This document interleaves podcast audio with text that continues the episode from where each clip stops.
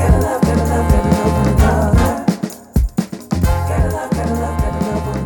into another episode of Data Lab Dialogues, um, this time in Sweden actually. So we are uh, at Aurobay uh, in, in Gothenburg. My name is Thomas Madsen. Uh, I'm part of the Danish SAP organization. With me today, as usual, Karl Bergström from uh, the Malmö office. Yes, from the Malmö office, and also delighted to be in Gothenburg. I have spent many years in Gothenburg. Oh, really? Yeah. So, so, so this is a nice place to be here. With us today, we have Fredrik Borlie from, uh, from Aurobay. And uh, welcome to you, Fredrik. Thank you. Thanks for taking time out It's my pleasure.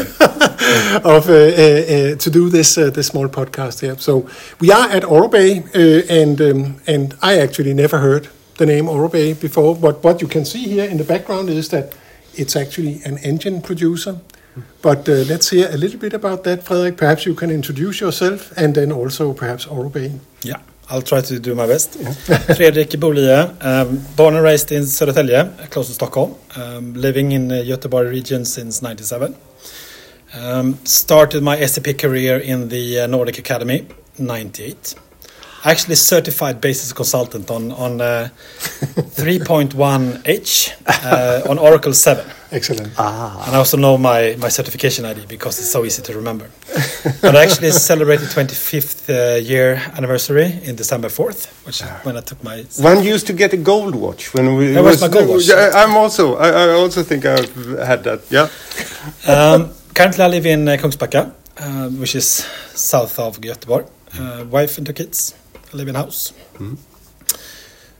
That's the quick introduction. That's Yeah. the quick introduction. And and from what I understand, you've been working with SAP most of your life. Yeah. Yeah. so so you are a good guest on this podcast where we will talk, let's say, details uh, uh, on actually managing and operating uh, an SAP system. And it's, I think, especially in these nowadays, the hybrid landscapes, Yeah. that that I would be uh, curious about. But maybe just uh, could you tell something about Aurobay for those who are similar to Yeah, like O- Thomas? Aurobay, um, Aurobay is the um, how can I say? It's a it's a separated company from Volvo Cars. It's the old ca- Volvo Cars engine manufacturer company, which has been separated because of the Volvo Cars. Um, direction on going into fully electric producer then it's not really good to be also having a leg in the engine in the in the ice as we call them internal combustion engines so they have they have separated as an own company so we can be driving our own development in the future so that was separated like 2001 uh, when the company started and we are just finalizing the last steps of the the IT separation so we're now going in fully into the um, separated environment with S4HANA and everything that we have. So two years ish. Yeah. Yeah. But I've only been here for a couple of weeks, so I sh- should not take any any Credit. credit for this. Um, but I'm here to basically also because the, the journey from from Aurobay has been quite quick in order to really get off the track, get on on our le- our own legs, because we are also interested in being a contract manufacturer for other companies, so we can also start selling engines to other other businesses than Volvo Cars, which is not possible if we have the Volvo Cars ownership in that case. Yeah, yeah, yeah, yeah. So currently we are producing engines to other companies as well, but those are all within the Geely uh, Geely business. Yeah. There is an ongoing merge uh, together with Renault and Aramco about forming the new type of engine. So it's really looking bright into the future as well. Okay, so even the combustion engine uh, Yeah. as an industry is Yeah. changing. It's Something not called- ju- just dying or, or something like that. something called e-fuel, where pardon me for now, now being maybe incorrect, but something about the taking the carbon dioxide out of the air and generating fuel. It's so high tech. So Yeah, yeah. You I'm- mean I'm hydrogen, it for the hydrogen fuel, or Huh? is it hydrogen? I don't know. Ah, Uh, kind of. I don't know. But of course, yes. I mean, eventually, that's how the planes will will, will fly. I mean, uh, unless they go full electric, I, and which I doubt. So. And maybe we're glad we will not go deep on that topic No, today. because We'll go, we will don't go know. deep on other topics, uh, but but, but Yeah. uh, it, and just magnitude of company size if one gets Currently, uh, 3,000 employees, two factories, one here in Skövde, in, in, um, a bit from here, and also one in Zhangjiakou, which is uh, also part of the Volvo Cars car, I don't think, I might be wrong. Yeah. But there's a go live in, in the Chinese factory, uh, two weeks. Okay. So that's basically the starting date when everything is fully working. cool. And in, in this context, where do you land in this? Being uh, I was currently recruited as to be the the tech lead architect, as the title goes, but basically being the the one trying to because because of the quick carve out or the quick moving away from from from Volvo cars, they have inherited a lot of.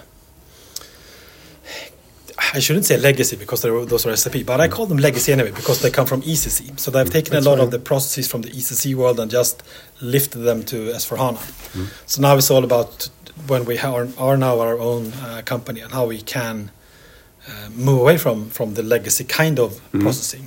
We have a lot of Z code which we might not need. We have a lot of ways that we're working that is old school. Um, so it's, it's my job to ensure that we are getting up to date on, on the practices.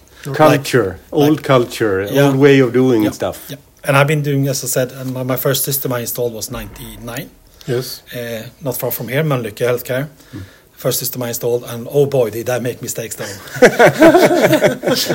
so, and, and what scares me a bit is that now, all this time later, the the consultant business almost looks the same. But we'll, we'll I think we'll get into that later on, as part of the discussion. That that still we have a delivery mechanism from the system in, uh, implementators that are basically not really tailored for a company that wants to go with modern architecture. So there's a clash we have, but that's that's And are that's you then re- referring to like waterfall style, big? Uh, kind of, yeah. and also the, the with the some of the governance topics. We have the governance coming up soon, um, but it's about who has the mandate to say what. Um, I, I'm, I'm sometimes I'm having a um, an, an, an comparison with if if you have a carpenter at home, he works with a hammer and a saw, and you ask him to do work on your on your plumbing. Which tools do you think he's gonna use? Uh-huh. the hammer the saw the and the saw. hammer because those are the tools you have. So if you ask an SAP company to solve something, they have their toolbox of SAP mm-hmm. processes, mm-hmm. Mm-hmm. which means that they look first within their toolbox, and they don't really know what's outside the toolbox because it's not part of the delivery. That means that in this big implementation that we have, a lot of solutions that are being delivered will choose the wrong solution because they only have one toolbox. So that is one concern. Yeah, but they, yeah, that is a challenge, obviously. But it, it's also it means basically that you need to choose the right SI, right? And But it's hard. Yeah, it's hard it's hard, because yeah. most of them are factory oriented. So they come in, they Mm. ask, have a battery of questions. They are really good on capturing all the requirements, and then they build build all the requirements after sign sign off Mm. into the system. Even maybe we don't need them to build built that way. A reflection on that is, is that sometimes coming from a supplier side, and we are also sometimes asked that we would love to, to maybe go deeper into the scoping, being more of a partner that we need to discuss this because sometimes it becomes factory approach is uh, lovely because oh it only costs 100 uh, it's a buck box you get this we deliver. And and but the cost of it afterwards you- really, can, can be really high. yeah because then you get it boom boom boom like this and and and, and As, as one example is uh, like connectors to let, let's say IBP. IBP might be a good solution, but it's horrible from a system maintenance perspective because first of all, you can't run it towards the S4HANA cloud. You can only run the IBP connected towards S4HANA on premise. So that blocks you. So if Yeah. you like to move away from S4HANA on premise to S4HANA cloud, you can't because you're locked in by the IBP connector. Yeah. So when can we get a more uh, open connector for the business warehouse part of Yeah, that was uh, a, a call out for SAP there. yes, yes, and and I, and, let's I, thi- I, I, and I think it is high on our radar because if I understand the sequence of design, not excusing it, but IBP was early bird. So they started to design before the, the SAP world really got It was- into the. Uh, uh, It was, I would, I may be mistaken, but I, I, from, from, from my recollection, it is kind of the first software as a service product that we built ourselves and, and brought to the market, right? So, so I'm But sure there are, there are things that could nowadays with native uh, cloud, uh, let's say computing, uh, let's say API based. Yeah, yeah. headless, It, it uh, might might might have. Uh, you know, That's an example. gone different- Yeah, yeah, yeah. But But, but it, uh, we have to But- defend. But, these, are the little. Yeah, challenges, these are the challenges you meet as an architect when, when, when the business goes, oh, we need to have IBP. And then, yeah, but we would like to be on S4HANA Cloud. And then the worlds collide. Mm, so, Yeah.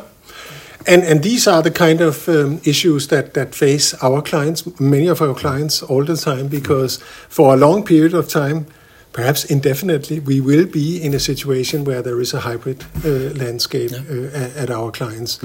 So can you can you perhaps I, I don't know if uh, if if it makes sense to start with the Aurobay architecture before going into the theoretics, or, or Oh. what, what, what is in your case? What is the quick description of a hybrid landscape, and how does that look uh, in Aurobay? well, what is a hybrid? Hybrid is basically, for me, taking the best of two worlds Yeah. and mixing them into something that should be one plus one should be three, hmm. basically. Then you would get the best out of the hybrid. You can create hybrid that are monsters as well. So hmm. hybrid is more than than than just doing things in separate platforms. Talking about platform, hmm. what is a platform? Who defines what a platform is? We have multiple platforms, you can say. But if you look on the SAP domain, uh, we have a set of tools. We have the S4HANA, we have the BTP, the Business Technology Platform. You can call And it as for that. HANA, is that that's on-premise? on-premise with RISE. with Rise. With RISE. Yeah. So it's we, we would argue it's on-premise. It's on-premise. Yeah. You- you- it's the on-premise system that we run in your cloud, Yeah. Yes. or you run for us in your cloud. Exactly. Yeah. Yes, yes, yes. But uh, no, I get it from a versioning perspective. It's the on-prem, but it, but it is in reality cloud. Because it gives some challenges. Yeah, because people okay. see it as, as a classic SAP system where you would consume it with SAP GUI yeah, okay. because you can, yeah, you can yeah, for sure. and, and it's hard to come. And history i- is Yeah. ah, give me that SAP GUI again. I want SE16 to see the tables in production. It wouldn't be much easier to say there's no feature for it. You can't. You can't. yeah, yeah, yeah. Um, so, th- so the platform and the hybrid part. For me, it's a, about mixing them and, and making decisions like um, a PDF generation. We have all in all ages, in all these 25 years, 24 then to be exact, uh, because I had another on previous engagement.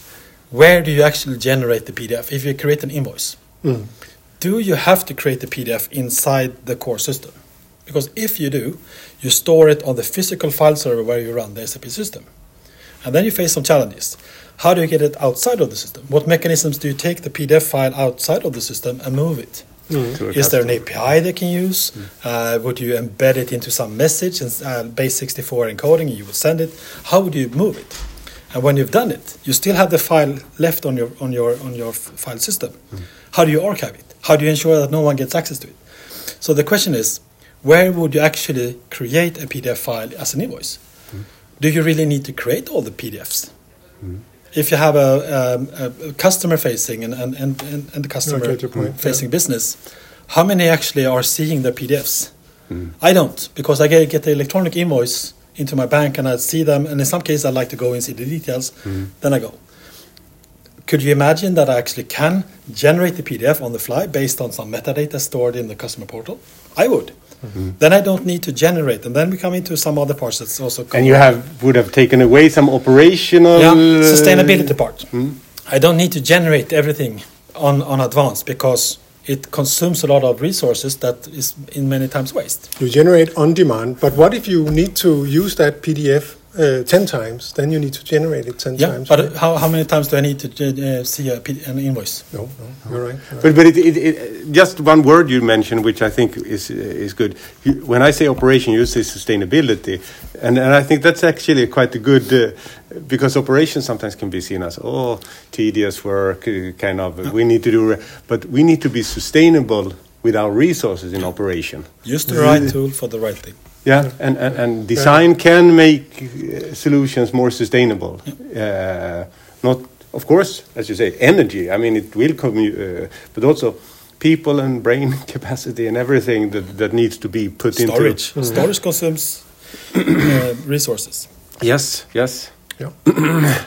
so, um, so, so that's a hybrid landscape, if I get it. Uh, um, Let's talk um, DevOps. Um, how do you manage that in a hybrid landscape like this? I mean, you have BTP. Yeah, what is you DevOps? mentioned. What, what is your view? on DevOps is basically, for me, DevOps is a way to organize a team of people that in together do both development and operations. Yeah. In my view, you can't have one team doing dev development and one team doing operations mm. and then call it DevOps. Because this is the DevOps is the hybrid of these two worlds, mm, mm. where you basically take the developers and the operating guys and put them in the same team and they start talking to each other, interacting with each other. Can say, you know, the last time you deployed, this happened. Did, were, you, were you aware of this one? If you have a separated teams, you're communicating many times over the IT mm-hmm. processes, like ServiceNow. Mm-hmm. Mm-hmm. You create raise a problem. The development team, especially if you are in a, in a project landscape, they are most likely externals. They don't see these problems. They don't see the issues that they are. I, say, I shouldn't say causing, but that the, is the effect of what of their work. So by having the hybrid team together, you can you can basically catch things earlier. Like, oh, last time we did this, we had these issues. How do we do this from not happening again? Oh, maybe we tweaked something over here, and then we can, and then you have the trial and error, and you would also strive to have the uh, um, a way of working that you allow for mistakes, Yeah. not the process where you have rigid, strict controls of approvals and stuff. Uh, Like like a discussion, like uh one of my colleagues says, if you build an organization, would you rather have the best firefighter um, business that you have that actually closes all the fires that starts burning in your business, or would you build an organization that prevents all the fires from being being there? And in, in my view, the DevOps team are, are the preventers from the fires to happen. Of course, there will be small fires here and there, but the fires will not be that big. You will not have these big issues when you deploy and you go with a big bang, go live from a project. Okay. And, and That's a good good it- way to describe it. Yes. Yes, and, and, and, and with that mindset is then the consequence that insourcing, we need to be have more strategic people in this. Would you say, or can you can you foster that even with partners that you, we are a DevOps team, we are working together? Have you any reflection on that? I have no. I have been trying to set up a DevOps team at my previous place, and we had externals part of it as well. Yeah. It is harder because you don't really. In many cases, the data are not on the same physical location. Mm-hmm. That makes life easier if you're on the same physical location. But with an external partner, they don't have the same kind of responsibility and ownership. They don't feel mm. the same pride in what they're doing. They mm. do what they're being told um, in many cases. So it's harder, but mm. it can be achieved if you really bring them in, give them tasks, um, really encourage them to make things, make mistakes. In ca- some mm. cases, I know that um, even if I wouldn't have done it that way, I'll need to let them try it Yeah. because I don't even know. Maybe maybe there's something that has changed from mm. my experience that all of a sudden this now works. Yeah. So if they don't try, they will not learn. I will not learn. Maybe in many cases it will be the same result. But if we don't try, we will never know. No, that's a good point. But still, it that that concept cannot be used, I guess, on all types of changes. There will be types of changes in a in a production system like this one, where if you make a f- failure, it's really hard to go back on that failure. So I guess you need to govern the, the Can you give an types of change. No, I wish I could, but I'm, I'm, an, I'm up, guessing. an upgrade maybe uh, would, upgrade. Would, would would you and this uh, would, Yeah. would would an upgrade or a patching would you think you could manage that in a in a as a s- small team small activity and and, and uh, or Yeah, if, if you then go into the product oriented organization, if you have them products that are managing themselves in, in a product team, in a DevOps oriented way, you would have one team maintaining the finance, one team doing logistics, one team doing HR, one team supporting these products as a platform team. So the question is then who decides what? So how's the interaction between these teams working? In my way, uh, the role I took over at the other place was I was being the product owner of the platform. And in my case, we also bought other services from SAP like Ariba, we had IBP, uh, let me see one. We had several BTP services like CPI, and and and the common thing about all the other applications except the S4 HANA system is that they were all being SaaS services managed and updated by SAP. Hmm. So there were recurrent updates coming frequently, and we were really bad on really showing what test cases we ran. But it, it always worked. In some cases, it failed, hmm. and then we needed to do something because of the of an update from, hmm. let's say, Ariba, change something which changed which our setup didn't match, and then it failed. So the the concept we tried to fix was that we need to see the platform of S4HANA to be the same SaaS solution as Ariba. So the product teams cannot decide when they can upgrade. We upgrade and we let them know. So we will communicate with them saying, now we're upgrading dev system. Mm-hmm. Please test. If you don't test and your system fails, it's your issue. So you, as a platform owner, say we are embracing the SaaS mindset. Yeah. It's coming. Cool. We are, be, we are being the, the prolonged arm of SAP. So we are taking the like the the upgrade part, including. So we are becoming like the cloud yes. S4HANA So instead. you're trying to instill a cloud mindset Yeah, with, with because your then, consumers. Yeah. in some day, because there was, if you're a business and you say that we are striving to go for S4 HANA cloud, then why not try to embrace this way you are working already to start with? Yeah. because otherwise there is a risk. You're building up debt Yeah. that will prevent you that day down the road when it's the And- moment to move. and also that you also uh, still have the uh, a, a big threshold to step over. If you do certain steps like automating the upgrades, like we did uh, twice a year, so we did uh, uh, SPS updates twice a year and release upgrades every second year is gonna be. Um, if you do that on a recurrent basis, you would always have the latest updated Yeah, system, yeah. and any project or any business that wants to ac- activate something, it's already there. Hmm. And you can say, uh, well, did it succeed? Yeah, we upgraded four times in a year and a half when I was there, so and basically no issues. Um, but is that is that? Uh, so I, I I have to ask, uh, but but do you think those issues was it made easier for you being in Rise than it would had you had? yes, yes, the RISE concept uh, was actually the, the best thing of it was that you're not allowed to order an upgrade or system maintenance activity basically on the weekends for the non-productive systems. So you have to stay on, on normal weekdays. But nothing, the, the day has 24 hours. And we only work like nine, nine hours, including lunch. So I can order the system maintenance updates after 17 o'clock. And next morning the system is updated. Yeah. Because there's a huge set of team that is basically providing this service in the RISE contract. Yeah. And we have the right, I don't know how many times we can call for an upgrade, but we have the right to call for the upgrades quite often. Yeah. And I don't know that many people use it, but it's a really good service, and you're guaranteed within seven days of order to have a, um, an activity performed. But if you have some custom code, sorry, if you have some custom code, you need to adapt as part of this. Now comes the interesting stuff. Yeah, yeah. how can you exactly how can you manage this that everybody's like making this big fuss about oh we can't do it because now finance is doing something important stay away uh, platform we will upgrade three years from now or four years Yeah. from now The question is, how do they manage it in like uh, as, S4HANA? No, it's called uh, Analytics Cloud. Yeah. How do do, do they communicate with for HANA, uh, SAP Analytics Cloud? Yeah, it's Because that's it's an update. yeah The, the, the, the finance team can say, oh no, you have to wait with, with the upgrade here. it's not It's going to happen. boom it so, comes So you have to. Th- that's the mindset we took. That if you take the same mindset and bring it to the S4HANA system, you can't decide. We have said here, and you need to align to the up- update t- spots that we reserve. So we say, like in May, in May we update. You have to fix your sch- schedule afterwards. Hmm. So turning it around a little bit, that instead of the program being the master who Yep. decides, the the platform is there, and it's, How how difficult was that to introduce that kind of uh, governance? I took uh, some while. Took some while. but, but then it's also part of the. Uh, you, you mentioned about the Z code. Yeah. How do you actually manage the upgrades Yeah, yeah, with yeah. the Z codes? And the answer is we also main, uh, try to go for the clean core Yes, concept, yeah. which means that we don't have as much Z code in the systems to maintain because it's all part of the hybrid platform running in BTP in this sidecar extension. So we don't need to care for it. The Mm. only mm-hmm. thing we need to care for is modifications. Yeah. Mm-hmm. And we had a strict list on how you actually are allowed to do modifications. Yeah. And I think we had one or two.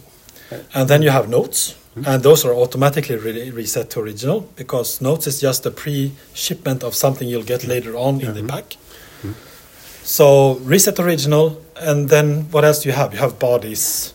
Yeah, and, and then you have some things like if you have then a roadmap to go for S4HANA Cloud, you should have this cloud um, cloud check, cloud compatibility check for the BAdIs. There's checks you can do that. Mm-hmm. Can you actually run this? And then you can say yes or no because if you go select a, a BAdI that's not cloud compatible, you need to move away from it later on. Mm-hmm. But that doesn't stop the upgrade. So the the the the main reason for being quick in the upgrades. The last one we did was 10 calendar days from development to production. Ah. Zero issues. Amazing. Yeah. Yeah, that's great. But again, Zero again, a, a bit of lit uh, warnings here. The- Yeah, yeah. Basically, the number of processes running in the system were really low. It's just uh, some kind of automatic processes, but still, the system were running fine. Hmm. No issues. And, and, and so, so, so, okay, 10 days. And Calendar days. Calendar days. That's impressive.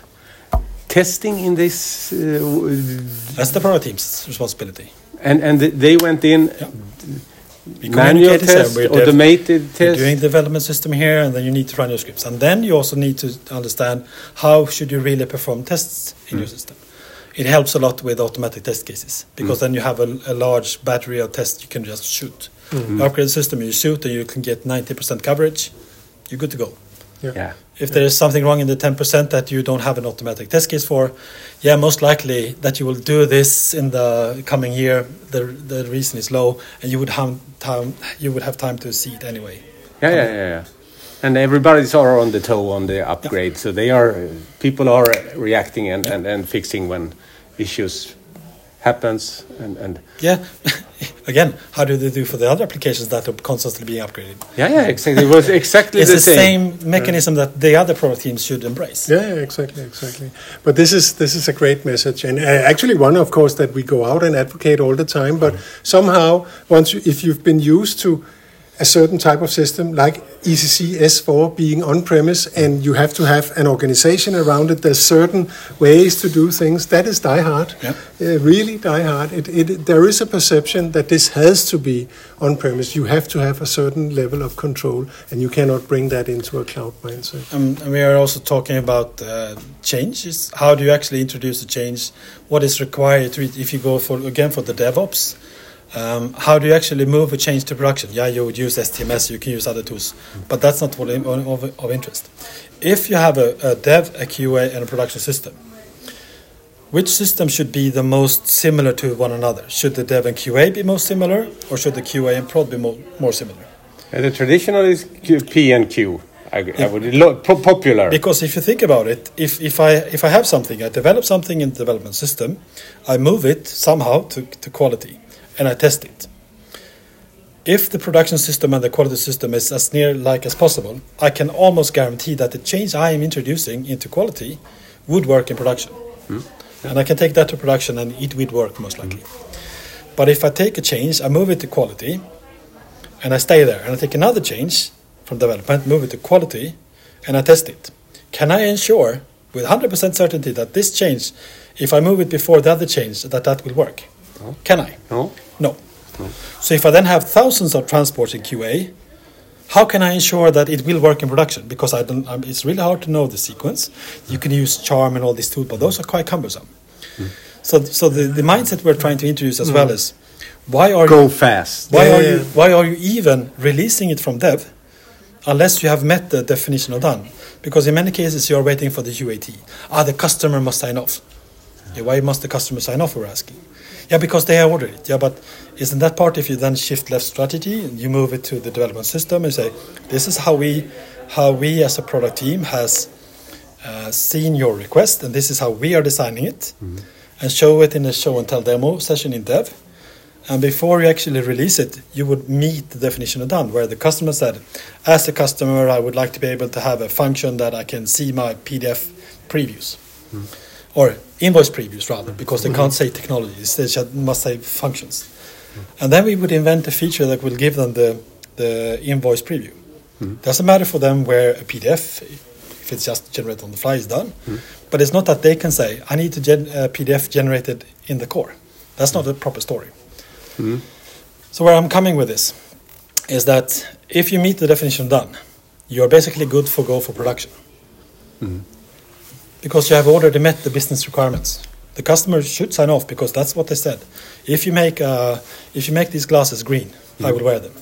So if you make them green, uh, but I didn't specify which green, but you made them green, you're good to go. So And- it's it's more about being better on, on the feedback, on the iterative, Yeah, and yeah. having the customer so be what better you're saying is what you do in Q is just you know test to ensure that things doesn't break. kind of regression test. Yeah, yeah, yes, the things yes. we did didn't really work. Yeah. Do we have also Yeah. interactions with other with other systems? And then you go into go into what type of integrations we'd like to work with. And, and I remember we had a little short before, and also this possibility with authorization. If you're introducing Yeah. something uh, with with uh, new stuff, you don't want uh, everybody to start using it, and then, then you can. And that's the that's like a feature toggle. Um, if you develop something new, if you bring out a new service, a new Fiori application, what's the what's the most important thing for a user to be able to use it? Well, it's the role. He has to have the role. But does it mean that I have to wait to send the Fiori application to production? Can I send the role to production and still not assign it? Mm-hmm. Of course, I can send it Yeah, yeah. because the system is full with SAP things that's there and no one is using, and it doesn't harm anything. But all of a sudden, oh no, we can't we can't send it to production because it has not been approved. Well, if you're going then agile DevOps, it, if you met the definition of done, you can move it to production, and then you can tell the, the, the program or the project, here, I've done this for you. It's ready for you to start using. Just assign this role, and you're off. Then you release the function. Yeah. So you deploy the function and you release the function. So you're releasing with authorization or, or, Yes. or, or, or uh, assigning role.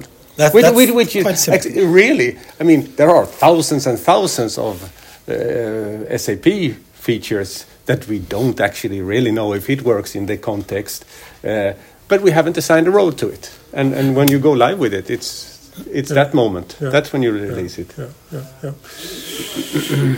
Yeah, uh, so so we talked clean core and also hybrid. Uh, um, so you mentioned that BTP is in in, in the game. Uh, clean core, of course. I mean, BTP is not a prerequisite for clean core. I know that, but but there might Um, be some things that that uh, is harder to do if you don't have the BTP. Do you have that kind of parallel development in place, or yeah? Mm, I would I would argue to say that BTP might not maybe be required, but it's one of the key tools that you have in order to make a speedy connection. Because if you don't use BTP, all of the connectors you have are not really playing as well.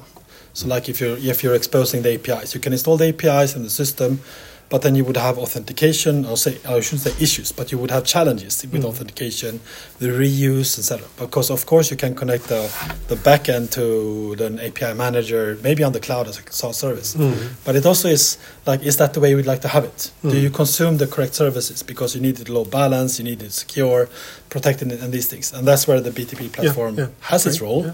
And I would say that if you're a RISE customer, you should use it Okay. because it gives you the tools that can secure your system. You can do it in the ABAP engine. You can make a proxy and expose with better security measurements and easier than you can do inside the core. But you you you you uh, think the BTP architecture that SAP is offering and building upon makes sense in in the context that you have been working. Yes, um, I was introduced to a concept called MACH, MACH Alliance, MACH concept, which is for stands for microservices, API first, cloud native, and headless. Basically, how you compose your business architecture in a way of of uh, simple components that can interact with each other on predefined patterns, predefined messages. And in this picture, you also have the, the bottom layer, you have a data layer, and you have the ERP system Yeah. Hmm. called Systems of Record. It's basically huge, I would say, mainframe kind of thinking, hmm. large transaction just flowing. Hmm. And the way we use BTP is basically to be the enabler for us to communicate with the data layer. And in our case, it's going to be events. So we're using the event mesh to Great. communicate Yeah. to and from the event grid in Azure. But it's it's it's. Uh, I mean, this is the architecture that we are not yet there. Everybody knows that there are ten thousands of web uh, transactional-based classic GUI transactions. Fiori is heading towards it. We are getting better and better with this headless. We build our Fiori on the API. Yeah. If you don't like the light blue style, you have another need and, and design. Design it as you like. Uh, So we will hopefully have a future where we also can expose certain business data as headless APIs to the front end layer. Hmm. So if you have a partner portal, we can show them the I don't know, outstanding invoices they haven't paid. It can be an API. We can hmm. also provide them the data as a, as an event, so Yeah. it's also there. So it can be decoupled because APIs still are. are uh, then you need to have the system up and running. Mm-hmm. Otherwise, And if you event try to is use better. the UI, it will be shut off. Yep, yep. Yes. yeah, but no, asynchronous integration, of course, is much more stable in the sense that, I mean, you are not that dependent on systems being up and running and responding whenever you shoot your event, of course. But I mean, speaking of all these upgrades that you are now entering into, how, how um, does these upgrades affect your integration landscape? Is it uh, kind of, um, do you have to shut down integrations in a certain sequence, or is it uh, just something you leave up to the RISE team? Here it's going to be really challenging because we also use the EWM embedded inside the same system and it's tightly coupled to the main systems on the factory floors. Yeah. So here it's going to be a big challenge to perform upgrades because we need to be able to uh, either build up queues for the main systems to be able to operate or we're going to have to shut them down for a certain time. So it's going to be a challenge. But the challenges are cool. We, Yeah, yeah, Yeah, yeah, yeah. and if you go in with a certain one mindset, then then you solve the problems with that. Uh, Yeah, but but I guess I mean uh, I, I'm not sure which MES system you use, but manufacturing cloud from from SAP comes also with now an edge component, so that you can have you know a queue close to your your shop floor that picks up this and then uh, forwards it uh, later on. Yeah. We'll see where it brings us. Maybe that's a topic for another. yes. Yes. Yes. Okay. so did we cover release management at all? I think so. Kind of, we touched it. Yeah. Yeah. And and and and, but if I uh, see if I can summarize what I think you said is that these big releases, the classic big releases, Yeah. you you you, when- when you go DevOps and you go Mm. with with um, a bit more agile approach, it's more about breaking down the, the requirements into smaller deliverable chunks that can be deployed separately. Mm. So it has to be like if you define a story, Mm. the story is I need to have a function somewhere, and that is deployable. You can deploy that function low, or you can deploy it in a group. But you can deploy it in as one, you can release it as one, or you can release them as group. So it's more a matter of how you define your if if, you- if you're now doing the product oriented, which is now on on uh, on the uh, on the agenda for many companies to turn into product organizations. Then you would have a team instead of saying you would have an external requirements from the from a program saying we need to be able to sell engines on that market. And then each product team needs to understand what they need to do in their product in order to achieve that goal. Mm-hmm. So one team can say, oh, we need to have all the company code set up, and that will be the finance team. Then they will do their work independently from the other ones, or mm-hmm. rather before the other ones, because then they can say, like the sales team, we can't create sales orders on this market unless the, mm. the company codes are there. Mm.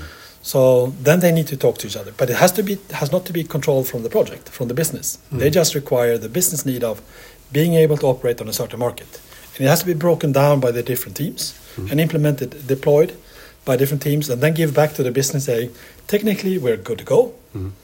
Now you can do whatever you like, and, and in many cases with the agile development, you would be faster in your your hmm. deliveries. Sounds fantastic. Yeah. Yeah. yeah. Um, yeah. So, so I, I, I'm, I'm really thrilled about the, the, the, the fact that, that you use Rise the way you use it. So that makes me uh, want to ask you. So, to which degree, you know, from a scale of zero to hundred percent, do you consider your Rise setup as a software as a service solution?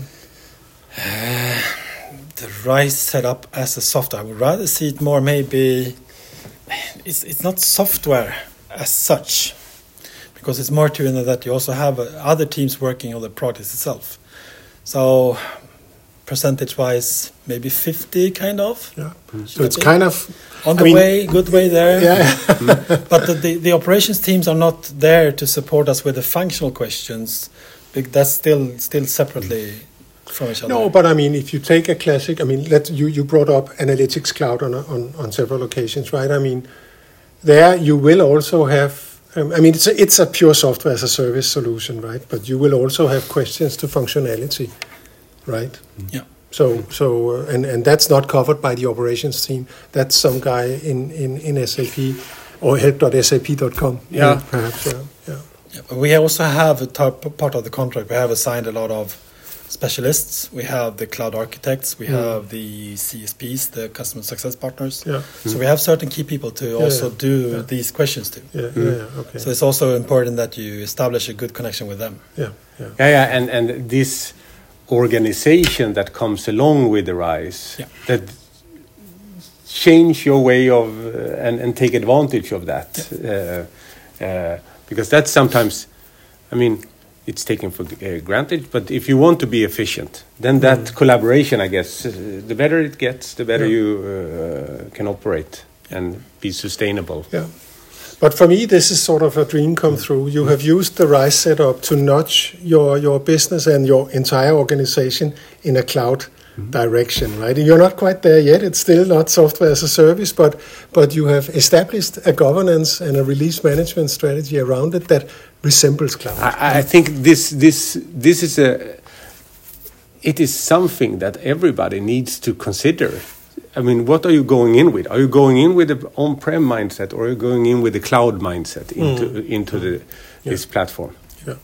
and and to be to be um, also adding another view on this issue.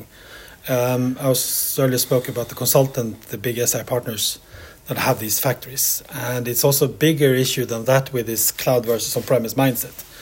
Basically, the entire ecosystem of SAP, all the third-party vendors of solutions you add on top of SAP, all them are still stuck also in the on-premise mindset yeah. may be, almost everyone is delivering their services as an add-on package you will install in your systems many of them go in their own namespace. Uh, many of them also comes with transports. Here please do upload all these transports. The majority uh, majority of them still work with old um integration methods like idocs. Mm-hmm. I don't know if you know it but there's for hana public cloud for me as i have understood does mm-hmm. not support idocs. Mm-hmm. It only use idoc as a format but soap as a protocol. Yeah. so as a new customer, why would you even invest if you have the intention to go for S4HANA Cloud? Why would you invest in iDocs if you can? Hmm. Um, and then all these connectors you have, you use RFCs, you do all these connectors, and that gives you the challenges to expose these services on the RISE system running in a hyperscaler somewhere hmm. to a third party vendor somewhere else. That are challenges because hmm. it's much better to use open connectors like the APIs, events, the business events. I don't know if you know, there are like a couple of hundred business events Yeah. already pre-made by SAP that you can use. But why doesn't the ecosystem of these suppliers um, stand up and, and use these services in their solutions, like uh, tax engines, exchange rates, whatever, we can, all these things that we can add.